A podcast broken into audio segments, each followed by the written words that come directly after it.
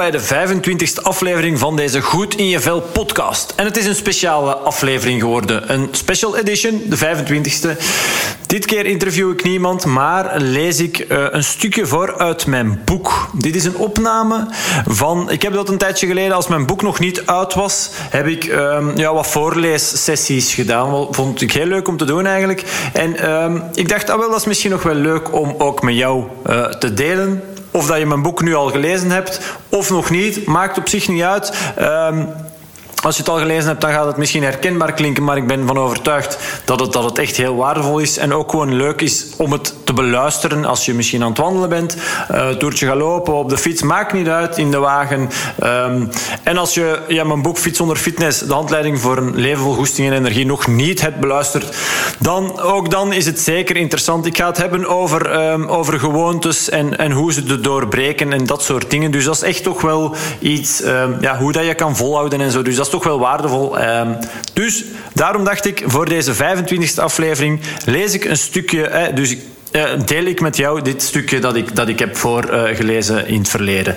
Dus uh, ja, na de, na de muziek inter, uh, inter allez, hoe moet ik dat zeggen? In, na de muziek, zo dadelijk, hoor je dus het begin van ehm, de opnames waarbij dat ik zeg van kijk, um, ik weet niet of dat jullie erbij waren afgelopen vrijdag, want toen had ik um, het begin tot aan het tweede hoofdstuk, dus het eerste hoofdstuk uh, van mijn boek voorgelezen.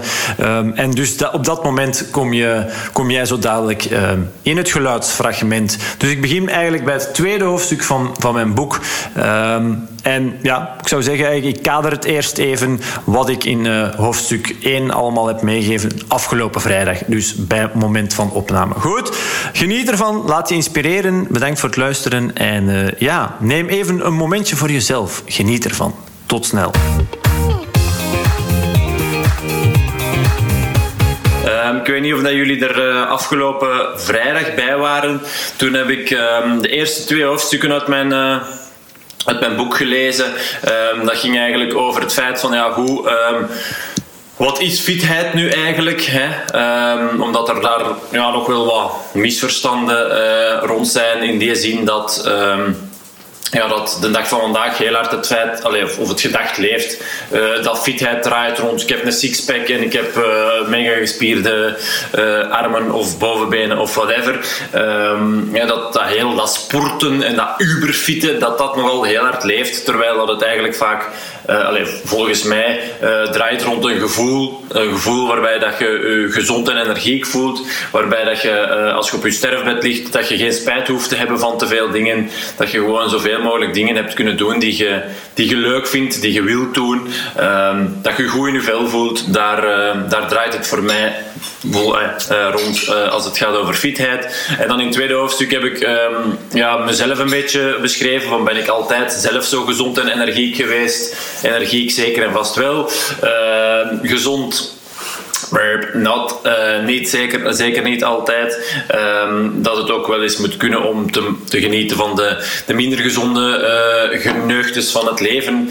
Um, ja, en dat ik ook best wel heel lang uh, heel onzeker ben geweest. en dat dat dus samen met het feit dat mijn bompa van langs moederskant altijd eigenlijk heel gezond heeft geleefd en eigenlijk echt wel fit was, zowel mentaal als fysiek, maar toch op zijn 59ste ja, is gestorven. Um, dat dat voor mij echt heeft uh, ertoe bijgedragen dat ik, uh, ja, dat ik doe wat ik doe nu. Um, dat ik ja, ben gestart met WordFit. Uh, en dat ik eigenlijk ook wel heel veel belang hecht aan wetenschappelijke onderbouwing van hetgene wat ik meegeef aan mensen en zo. Dus daar heb ik eigenlijk een beetje gekaderd. Ik hoop en ik veronderstel dat stilaan iedereen die, die wil meeluisteren, dat die allemaal hun virtuele plaatsje hebben gevonden Um, dus dan stel ik voor dat ik gewoon uh, aan terug uh, begin voor te lezen. En jullie zijn nu um, een beetje bij over wat, dat er, uh, ja, wat ik vrijdag, afgelopen vrijdag heb, heb gelezen, de eerste twee hoofdstukken. Dus ik begin nu gewoon met um, hoofdstuk 3. 3. Hoe kan je veranderen? Als je iets wil aanpassen aan je levensstijl, is het zinvol om een iets ruimere kijk te hebben op de reden waarom je dit zou doen. Daarom kan het helpen om voor jezelf duidelijk te krijgen wat je doelen in het leven zijn. wat je belangrijk vindt. Dat zorgt ervoor dat je meer betekenis geeft aan het leven of, met andere woorden, meer zingeving ervaart. Het verlangen van de mens naar zingeving kan worden gekoppeld aan het feit dat we als mensen houden van het vinden van patronen. Daarom is het zien en creëren van samenhang waardevol. En dit is dan ook de reden waarom, je, waarom ik je in dit hoofdstuk enkele methodes wil meegeven die je in staat kunnen stellen om voor jezelf levensdoelen te bepalen. Dit kan jou helpen er voor jezelf achter te komen wat het leven de moeite waard maakt. Erachter komen wat je anders wil. Misschien denk jij wel, moet er dan per se iets veranderen? Kan ik niet gewoon vertrouwen op wat, wat er op mijn pad gaat komen en daar blij en dankbaar om zijn? Dat kan natuurlijk perfect. Maar volgens mij ga je daar, nooit, ga je daar ooit nog spijt van krijgen. Spijt dat je bepaalde dingen niet gedaan hebt, gewoon omdat je er nooit hebt over nagedacht wat je nog uit je leven wilde halen. Ik geef je hier eh, enkele oefeningen mee, waardoor je er voor jezelf kan achterkomen welke dingen echt belangrijk voor je zijn. Dit kan je meer duidelijkheid geven in het stellen van je doelen.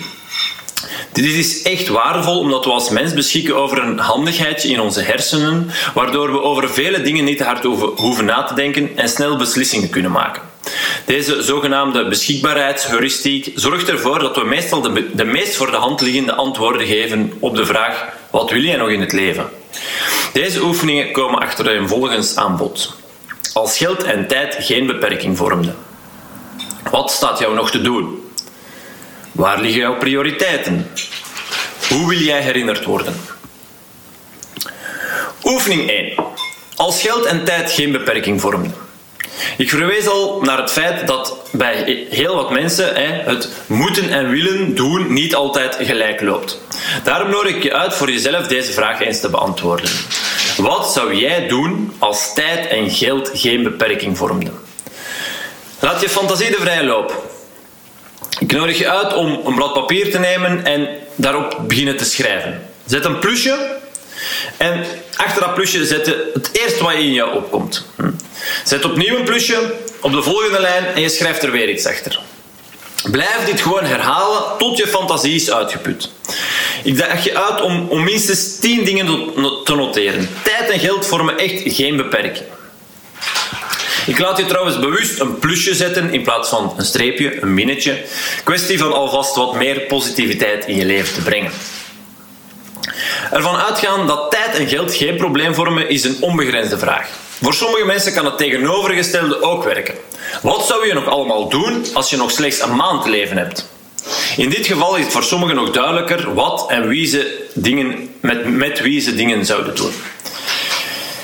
En nu is de vraag: als je dat lijstje hebt opgesteld, hoeveel van deze dingen doe jij dagelijks? Ik zou je de tip willen geven om te proberen vanaf nu elke dag minstens twee van de zaken die je hebt opgeschreven ook daadwerkelijk te doen. Het zijn misschien kleine dingen, maar die gaan op termijn wel het verschil maken. Daarvoor, daarover vertel ik je later in dit boek trouwens nog wel meer. Voorbeeld, mijn lijstje. Als ik dit voor mezelf opschrijf, dan kom ik uit bij dingen zoals lekker eten, buiten zijn, lachen, spelen, dankbaar, dankbaar zijn, knuffelen, mensen inspireren, content creëren, waarde geven, bewust ademen. En dus niet per se dingen als uh, ik wil de halve wereld zien en ik wil daar en daar nog zijn. Vaak kleine dingen helpen hierbij. Twee dingen van je lijstje doen lijkt misschien weinig, maar in de praktijk blijkt dit voor velen toch al een hele uitdaging. Heel veel mensen worden echt geleefd. Ze lijken te vergeten wat ze echt willen, waar ze blij van worden en wat hen energie geeft. Oefening 2. Wat staat jou nog te doen? Een andere benadering die je kan helpen erachter komen wat je nu echt wil, is het maken van een lijstje met je doelen. Wat zijn de dingen die je nog wil doen in je leven? Probeer hier zeker maar eens 30 dingen te noteren. Dat lijkt misschien veel, maar dat is het eigenlijk niet. Wil je zeker niet nog op vijf plekken op deze aardbol komen? Of misschien zelfs wel veel meer? Wil je nog in vijf restaurants gaan eten bijvoorbeeld? Of x aantal mensen ontmoeten? Ga zo maar verder. Als je het zo bekijkt, is het normaal niet zo moeilijk om aan 30 dingen te geraken. Ik daag jou, en ik doe dat ook met mijn cliënten, meestal uit om zelfs aan 100 dingen te komen. Dat lijkt misschien veel, maar het is echt een kwestie van verkennen. Het gaat uit van het principe dat het beste idee ontstaat uit vele ideeën. Ook wil ik je al meegeven dat je niet met al die dingen die je opschrijft daadwerkelijk ook iets moet gaan doen. Het geeft eerder een richting aan. De lijst die je opstelt is meer dan een bucketlist. Een bucketlist is meestal een lijst van dingen die je eenmalig zou willen gedaan hebben. Ook is zo'n bucketlist vaak heel erg beïnvloed door wat anderen op zo'n lijst hebben staan en dus onderhevig aan een soort van vooringenomenheid. Hier gaat het echt meer over dingen die jij nog wil bereiken. Vele mensen komen in eerste instantie met niet meer dan 10 of 15 antwoorden. Indien dit bij jou ook zo is, kan het helpen om eens te kijken of de doelen die je hebt neergeschreven niet te groot zijn en eventueel kunnen worden opgesplitst in subdoelen. Ook de volgende vragen kunnen jou misschien wel wat extra inspiratie geven om tot doelen te komen. Welke inspirerende personen zou jij ooit nog willen ontmoeten? Wat wilde je als kind worden? Wat vond je toen leuk? Wat maakt je blij? Of net heel verdrietig of boos? Pas ook hier maar het trucje van het al zetten van een volgend plusje toe. Het gaat je stimuleren om ook op de volgende regel iets te schrijven. Voel, luister naar je lichaam, durf dromen, schrijf wat er in je opkomt. Er zijn geen grenzen of limieten. Het opschrijven van je doelen zorgt er mee voor dat je voor jezelf gaat achterkomen welke activiteiten voor jou je leven de moeite waard maken om te leven. Wat je echt wilt in je leven. Uit de praktijk. Voor velen is het niet altijd even duidelijk wat ze willen. Ik moet nu even terugdenken aan Anke. Anke is iemand die ik begeleid via online coaching en zij gaf mij in ons tweede gesprek aan meer energie te willen. Omdat ik nu eenmaal sta voor meer energie hebben, was het voor Anke een ja, voor de hand liggend antwoord op mijn vraag: wat wil jij? Maar toen ik haar vroeg wat ze dan meer of anders zou doen als ze meer energie had, ja, dan kon ze daar niet echt een antwoord op geven. Wou ze dus wel echt meer energie? Was dat echt wat ze wilde? Zo ja, dan zou ze toch wel weten wat ze zou doen met meer energie, toch? Daarom is het belangrijk om goed op je netvlies te hebben hoe jouw ideale leven er zou uitzien. Het opschrijven van de doelen die jij nog hebt in je, in je leven is hiervoor een geschikte methode. Oefening 3. Waar liggen jouw prioriteiten? Vind je het moeilijk om voor jezelf dingen te noteren die je graag wil? Dan kan het helpen om te gaan denken in gebieden waarin je doelen kunnen vallen. Brainstorm hier maar even over. Hè. Uh, laat je ook hier je gedachten maar de vrije gang, maar ik kan je al wel even op weg zetten, mocht dit niet zo evident zijn voor jou. Onder, allez, onderstaand lijstje, het lijstje dat ik zodanig ga opstellen, vormt een leidraad, maar mocht, allez, mocht je dat zelf willen, die kan nog worden uitgebreid. Gezondheid.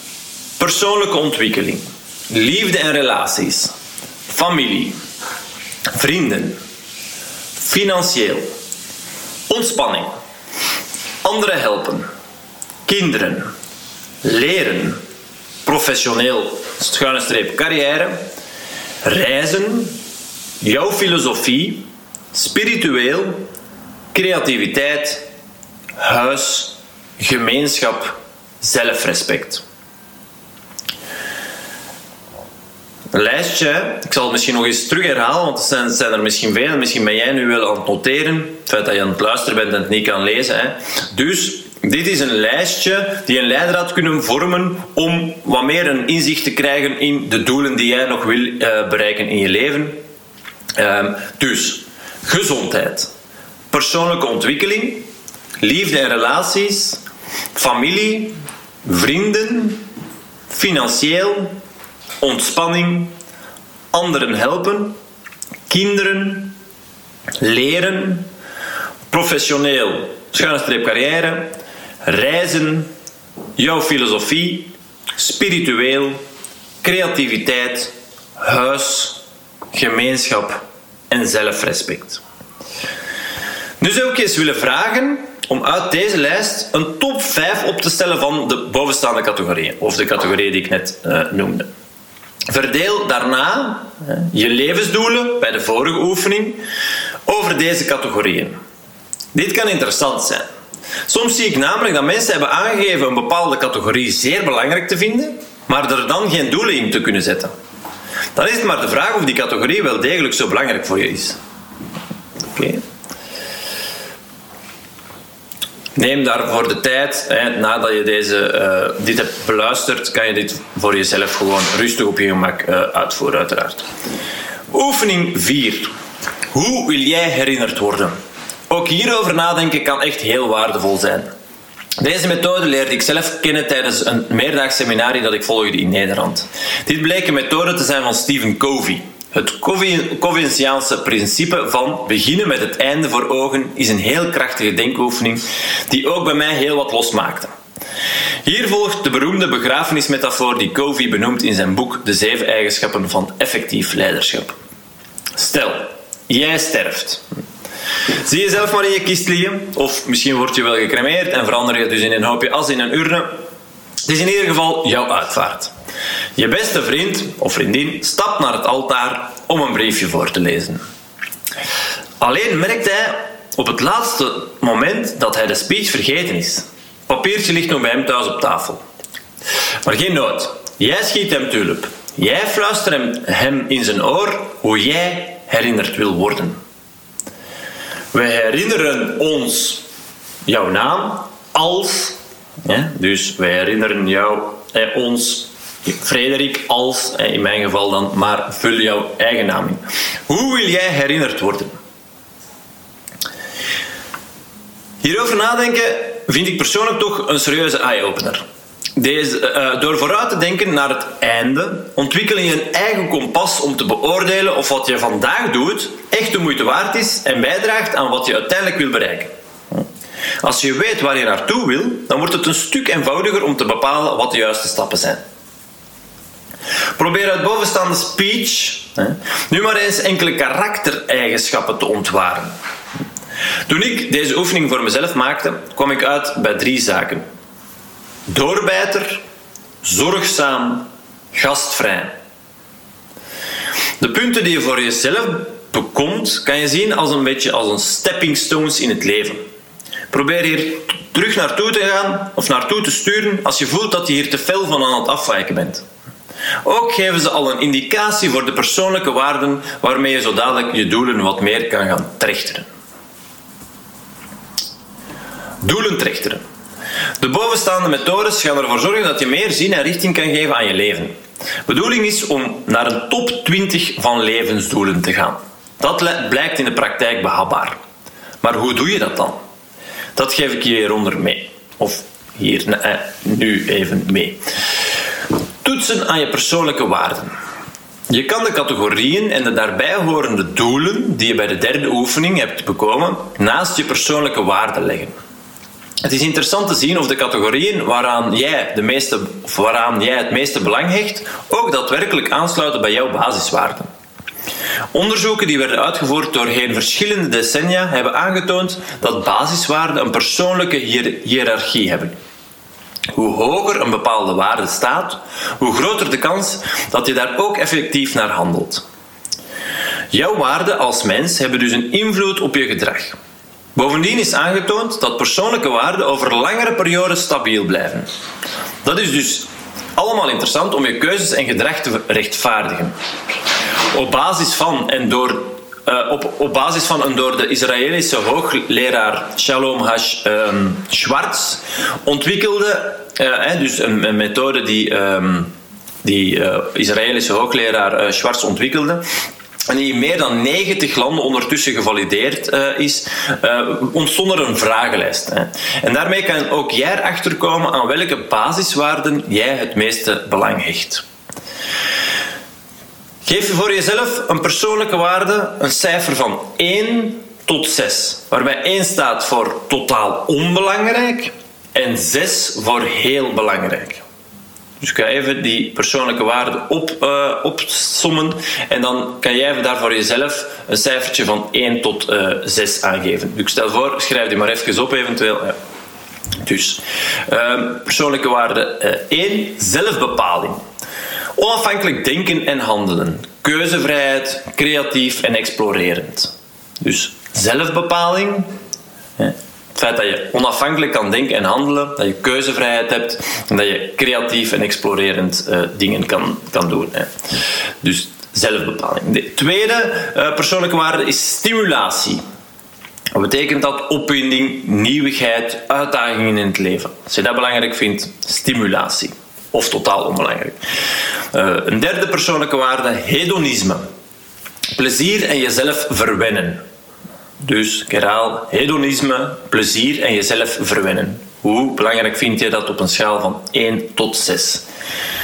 Volgende persoonlijke waarde, prestatie. Persoonlijk succes door competenties te demonstreren overeenkomstig de sociale standaarden. Dus, nog even herhalen, vierde persoonlijke waarde, prestatie. Persoonlijk succes door competenties te demonstreren overeenkomstig de sociale standaarden. Volgende um, persoonlijke um, waarde, macht. Sociale status en prestige, controle of dominantie over mensen en bronnen. Dus macht, sociale status en prestige, controle of dominantie over mensen en bronnen. Een volgende persoonlijke waarde, veiligheid. Veiligheid, harmonie en stabiliteit van de samenleving, relaties en jezelf. Dus veiligheid, harmonie en stabiliteit van de samenleving, relaties en jezelf. Hoe belangrijk vind jij deze? De volgende. Traditie. Respect, betrokkenheid bij en aanvaarding van de gewoontes en ideeën die traditie of religie aanbieden. Dus traditie, respect, betrokkenheid bij en aanvaarding van de gewoontes en ideeën die traditie of religie aanbieden. Volgende persoonlijke waarde: conformisme. Beperking van daden, neigingen en impulsen die anderen zouden kunnen kwetsen of schaden, of sociale normen en verwachtingen kunnen schenden. Conformisme. Beperking van daden, neigingen en impulsen die anderen zouden kunnen kwetsen of schaden, of sociale normen en verwachtingen kunnen schenden. Altruïsme, behoud en bevordering van het welzijn van de mensen met wie men frequent persoonlijk contact heeft altruïsme, hè, behoud en bevordering van het welzijn van de mensen met wie men frequent persoonlijk contact heeft. Hoe belangrijk vind, vind jij deze? 1. Totaal onbelangrijk. 6. Heel belangrijk. En de laatste, universalisme. Begrip, appreciatie, tolerantie, bescherming van het welzijn van alle mensen en de natuur universalisme. Dus begrip, appreciatie, tolerantie, bescherming van het welzijn van de mensen en de natuur. Dus, ik zal er nog even uh, herhalen. Hè. Dus het eerste, zelfbepaling. Onafhankelijk denken en handelen, keuzevrijheid, creatief en explorerend. Stimulatie, opwinding, nieuwigheid, uitdaging in het leven. Ten derde, hedonisme, plezier en jezelf verwennen. Ten vierde, prestatie. Persoonlijk succes door competenties te demonstreren overeenkomstig de sociale standaarden. Ten vijfde, macht. Sociale status en prestige, controle of dominantie over mensen en bronnen. Zes, veiligheid. Veiligheid, harmonie en stabiliteit van de samenleving, relaties en jezelf. 7. Traditie, respect, betrokkenheid bij en aanvaarding van de gewoontes en ideeën die traditie of religie aanbieden. 8. Conformisme.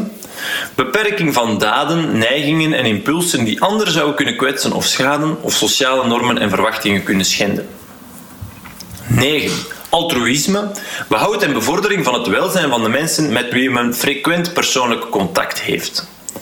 En dan 10. Universalisme. Begrip, appreciatie, tolerantie en bescherming van het welzijn van alle mensen en de natuur. Dus voor al deze persoonlijke waarden kan je voor jezelf dan uh, een cijfertje eraan geven, zijn de 1 totaal onbelangrijk, 2 onbelangrijk, 3 nauwelijks belangrijk, 4 beetje belangrijk, 5 belangrijk. En 6 heel belangrijk. Als het goed is, heb je nu aan de 10 basiswaarden een mate van belangrijkheid toegekend. Of doe dat, dat en neem daar straks even de tijd voor om dit te doen. Deze kan je nu gaan aftoetsen met de categorieën en bijhorende doelen die je bij de vorige oefeningen uh, kunt, kunt gaan doen. Welke categorieën sluiten het best aan bij de persoonlijke waarden waar jij het meest belang aan hecht? Op deze manier kan je voor jezelf een top 5 van categorieën vinden. Waarde van doelen bepalen. De doelen verbonden aan jouw top 5 van categorieën kan je nu nog op een laatste manier toetsen qua belangrijkheid. Beantwoord voor elk doel de volgende vier vragen. 1. Zet je dingen waar je goed in bent in om het doel te bereiken. 2. Hm. Vind je het leuk om het doel te bereiken? 3. Maakt je doel de wereld in jouw ogen mooier? En 4. Wordt jouw doel gewaardeerd door anderen? Dus ik herhaal even. Zet je dingen waar je goed in bent in om het doel te bereiken? Vind je het leuk om, het, om je doel te bereiken? Maakt je doel de wereld in jouw ogen mooier? En wordt jouw doel gewaardeerd door anderen? Deze verdeling kan je helpen bepalen welke doelen het meest waardevol zijn om aan te pakken. De doelen waar je viermaal ja op kon antwoorden zijn waardevoller dan diegenen met minder bevestigende antwoorden. Emotionele lading. Een derde manier om een keuze te maken met welke doelen je aan de slag gaat, is voor jezelf onderzoeken of er bij je doel emoties opspelen. Emoties vormen de motor voor verandering. Het maakt niet uit of dat positieve of negatieve emoties zijn, ze zijn een bron van energie die wijzen op een behoefte of een verlangen. De emotie kan zich uiten als een versnelde ademhaling en of hartslag, tranende of net fonkelende ogen, een toegenomen stemvolume, grotere gebaren, of er een emotionele lading aan je doel zit, kan je nagaan door jezelf de volgende vragen te stellen. Wat verandert er als je je doel bereikt? Wat kan je dan wat je nu niet kan? Hoe is jouw leven anders als je je doel bereikt? Thuis, op je werk en of qua hobby's? Wat maakt dit doel belangrijk voor jou? En wat maakt het antwoord op de vorige, op de vorige vraag belangrijk voor jou? Wat heeft ervoor gezorgd dat het je nog niet gelukt is? Welke dingen staan je in de weg om je doel waar te maken?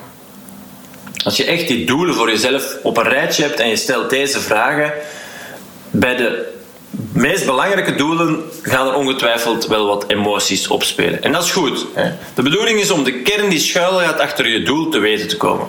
In eerste instantie gaan er bij het formuleren van je doelen vooral woorden komen. Door dieper te durven graven komen er ook emoties naar boven.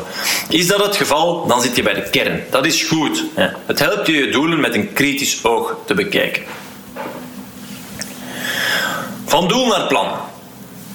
Allereerst wil ik je meegeven dat antwoorden op de twee laatste vragen van het vorige hoofdstuk al een richting geven naar bepaalde acties die je zal moeten ondernemen om je doel te bereiken. Ik herhaal ze nog even. Wat heeft ervoor gezorgd dat het je nog niet gelukt is? Welke dingen staan je in de weg om je doel waar te maken? Hm. In de praktijk blijkt een periode van vijf jaar meestal een goed uitgangspunt om je doelen te bereiken. Al schrikt die termijn velen ook af. Dat je doel zo ver weg is, kan overweldigend zijn, waardoor je de moed verliest. Daarom is het belangrijk om een onderscheid te maken tussen resultaat- en procesdoelen. Resultaatdoelen beschrijven de situaties die je in de toekomst wil bereiken. Ze zijn de top van de berg. Een resultaatdoel kan trouwens ook hoofd- en subdoelen bevatten. Procesdoelen zijn de stappen die je moet zetten om je resultaatdoel, uh, resultaatdoel excuseer, te realiseren. Het gaat dus hier meer over acties die je zal moeten ondernemen. De kans is groot dat je hiervoor je huidige gedrag zal moeten aanpassen. Een bepalen van die kleinere stapjes en dus concrete acties en handelingen helpt je om het overzichtelijk en behapbaar te houden. Als je je focust op de procesdoelen, op wat je als volgende kan doen om je doel te bereiken, ga je veel meer kleine succesbelevingen ervaren. Hierdoor bouw je het geloof in jezelf, je eigen kunnen en dus je zelfvertrouwen op. Voor het opstellen van procesdoelen is het trouwens ook een goed idee om een expert te raadplegen. Wil je bijvoorbeeld piano leren spelen? Ja, goed, dan gaat een pianoleraar je daarbij het best kunnen helpen. Wil je een marathon lopen? Dan is het een goed idee om misschien een loopcoach in te schakelen. Wil je toch zelf aan de slag met het bepalen van procesdoelen, dus die kleine stapjes, om je resultaatdoelen te bereiken? Probeer dan uh, deze dan te specifieren volgens de SMART-methode. De S van SMART staat voor specifiek. Je doel is best niet te groot of groots, maar duidelijk en concreet. De M van de SMART staat voor meetbaar. Dat gaat over de aanwijsbare zichtbaarheid van het beoogde doel. Dit kan aan de hand van cijfers of percentages, maar ook door het benoemen van criteria die je graag wil uh, die je gedrag beschrijven. Excuseer. De A van SMART staat voor acceptabel. Weeg de inspanning die de verwezenlijking van je doel zal kosten af tegen de andere inspanningen en verplichtingen die je hebt in je leven. De R van SMART staat voor realistisch. Is de doelstelling haalbaar binnen de gestelde tijd? En de T van SMART staat voor tijdsgebonden. Hoe lang geef je jezelf om je doel te bereiken? Wat betreft het laatste, die tijdsgebonden, is het waardevol je doel nog op te splitsen in een korte, middellange en lange termijn. Stap per stap. Als het goed is, heb jij binnenkort een veel, beter zicht op je doelen. Als je aan de slag gaat met de oefeningetjes die ik je zo, zo net uh, meegaf. Als je een beter zicht hebt op de doelen, die richting kunnen geven in jouw leven, dat is altijd, dat is echt heel waardevol. Ehm, wat je niet wil, dat kon je misschien al wel zeggen, maar als je die oefeningetjes hebt gedaan, dan kan je ook normaal benoemen wat je wel wil. En dan kan je een plan opstellen om je doelen te bereiken. Nu wil ik iets dieper ingaan op het feit dat het belangrijk is om jezelf de tijd te gunnen om je doel waar te maken. Ik heb de afgelopen, ah, maar, ah, ik heb de afgelopen jaren al heel wat mensen begeleid die me zeiden dat ze wilden afvallen. Een voorbeeld dat ik me voor de geest haal is Sophie. Die aangaf 10 kilo te willen afvallen. Ik vroeg haar in welke periode zou je die 10 kilo dan. Uh, ah, in, in welke periode is deze 10 kilo erbij gekomen? Uh, ja, gedurende de laatste twee jaar, zei ze. En toen ik haar vroeg wanneer ze die, eh, wanneer ze die overtollige kilo's graag had kwijtgespeeld, antwoordde ze ja, tegen de zomer, terwijl het al begin februari, februari was. Zoals net aangegeven bij de SMART-methode is het natuurlijk belangrijk om na te gaan of het vooropgestelde doel en de termijn die je zelf daarvoor gunt realistisch zijn. En ja, er spelen nu eenmaal ook externe factoren mee, hè, waardoor je vooropgestelde termijn om je doel te bereiken altijd een beetje in de war kan gestuurd worden. Besef dat het belangrijk is om kleine stapjes te zetten. Rome is ook niet op één dag gebouwd. Hè. Heb geduld en durf te kiezen voor vaak kleine aanpassingen die je de rest van je leven kan volhouden en die je dus kan integreren in je huidige manier van leven. Het is die weg van consistentie die ervoor gaat zorgen dat je je doel kan bereiken. Uit de praktijk. Een van de grootste ommezwaaien qua levensstijl en gezondheid bij mensen die ik afgelopen jaar heb mogen begeleiden is die van Paul. Nochtans veranderde hij niet veel aan zijn gewoontes. Ik geef je dit voorbeeld om aan te tonen dat kleine beetjes op een duur ook een groot verschil kunnen betekenen. Toen ik Paul bij het begin van onze samenwerking vroeg wat hij mogelijk achtte om anders te doen, kwam uit de bus dat hij misschien wel elke ochtend een wandeling zou kunnen gaan maken met zijn hond. Hij is dat dan ook echt systematisch elke dag beginnen doen. In het begin een half uurtje en dat evolueerde naar elke ochtend een uur. Paul verloor ondertussen al 15 kilogram en ging qua hemdmaat van een triple XL naar een gewone XL. Bij heel veel van mijn cliënten merk ik supermooie resultaten, ook al passen ze slechts één of twee dingen aan. voorwaarde is wel dat ze wat, uh, dat ze wat voor hen haalbaar is ook effectief systematisch en consequent toepassen. Concreet. Ik wil je een methode meegeven waarmee je elke dag stappen kan zetten om je doel te bereiken. Zowel op goede als op slechte dagen. Ga bij het opstellen van je plan uit van drie soorten dagen. Een slechte dag, een normale dag en een goede dag. Maak daarvan echt een schema met drie kolommetjes. Slechte dag, normale dag en een goede dag. Denk nu even na over wat je toch nog kan doen om je doel te bereiken, ook al is het een slechte dag. Zo'n dag waarop alles lijkt verkeerd te gaan, je, je kind en, daar, eh, en daardoor ook jij hebben slecht geslapen, bijvoorbeeld. Hè. Je collega werkt precies meer tegen dan mee, het weer is niet echt om vrolijk van te worden, alles lijkt precies slecht, slecht te gaan. Hè. Misschien kan je niets verzinnen wat je toch nog zou kunnen doen om je dichter bij je doel te brengen. Dan raad ik je aan om de procesdoelen, waarover ik het eerder had, nog verder te specifieren en dus kleiner te maken. Het maakt niet uit hoe klein die stappen zijn, als je ze maar dichter bij je doel brengt. Dingen kunnen afvinken, dat betekent een succesvolle dag. In de middelste kolom, de normale dag, noteer je dingen die je kan uitvoeren als je dag verloopt zonder al te veel gekke of onverwachte dingen. Een gewone dag. De dingen die je hierin zet, zijn de dingen waarvan eh, je een gewoonte zou willen maken en die er ook, ook voor gaan zorgen dat je het volhoudt. In de derde en laatste kolom noteer je dingen die je extra zou kunnen gaan doen om je doel te bereiken. Op dagen dat alles op wieltjes loopt. Zo'n dag waarop je dacht maar net genoeg tijd te hebben om, om alles rond te krijgen, maar waarop er plots een meeting wordt afgezegd. Bijvoorbeeld. Hm. Zit er ook niet mee in om dingen van de ene naar de andere kolom te verschuiven als je na een tijdje merkt dat het toch niet zo realistisch was wat je oorspronkelijk noteerde. Maar weet, de dingen uit de eerste kolom gedaan hebben, dat betekent succes. De rest is extra. Dit helpt echt om voor jezelf te, oordelen of je stappen hebt gezet richting je doel. Ik ga verderop in dit boek trouwens nog wel een paar keer refereren naar dit stap per stap lijstje. Goed, uh, ja, we zijn al ondertussen een half uurtje uh, bezig. Uh, ja, ik zou nog natuurlijk wel uh, nog een tijdje kunnen doorgaan. Maar goed, ehm, ik had gezegd uh, ongeveer een half uurtje. Dus even kijken. Ze. Ja, hey.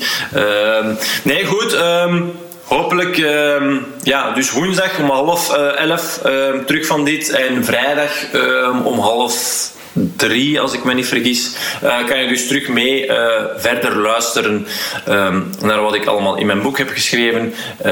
Voor nu in ieder geval uh, een hartelijke dikke merci om, er, om erbij te zijn. Ik hoop dat je er iets mee kan. Het is natuurlijk ja, wel speciaal, want het zijn zowel wat in dit gedeelte van het boek althans zowat doe-opdrachtjes om erachter te komen ja, wat, wat dat je nu echt wil in het leven, uh, wat, wat voor jou echt belangrijk is. Dus uh, ja, als je dan aan het luisteren bent, is dat misschien niet zo evident. Maar toch, hopelijk heb je wat dingen opgestoken. Ik weet niet of dat je ehm, ja, je mag ook in de chat, uh, je kan trouwens altijd in de chat iets aangeven, mocht je het interessant vinden of zo. Uh, of laat maar van je horen. Je mag altijd uh, een mailtje sturen, uh, of even op uh, de contactpagina iets invullen. altijd leuk. Mocht je de boek nog niet besteld hebben, ja, binnen ik schat binnen maximum een maand ligt hem in alle standaard boekhandels. Tot dan kan ik jou nog pre-sale korting geven. Uh, www.wordfit.be schuine streep boek. Daar kan je hem uh, voor 16 euro kopen in plaats van 19,90 in de boekhandel binnenkort. Goed, um, ik ga het daarbij voor nu maar even laten. Alvast bedankt dat jullie erbij waren. En um, ja, tot snel. Geniet nog van jullie maandag. En um, ja, hopelijk tot de volgende. Salut.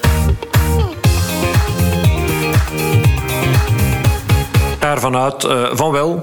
Dus uh, ja, mocht jij het boek Fit zonder fitness, de handleiding voor een leven vol goesting en energie nog niet hebben, ja, uh, check even wordfit.be uiteraard. Daar kan je hem, daar kan je hem terugvinden. en ja, goed, voor deze hopelijk, het was iets anders, een andere um, variant van een... Van een aflevering van deze Goed in je Vel podcast. Hopelijk heb je toch ook hier wat aan gehad en uh, inspiratie eruit gehaald. Laat het mij even weten. Reageer even um, op Spotify, op, uh, op Soundcloud, op uh, iTunes of, um, of laat gewoon van je horen. Dat vind ik altijd geweldig leuk. Dus um, ja, alvast bedankt voor het luisteren en ja, tot de volgende episode van de Goed in je Vel podcast. Tot snel. Bye.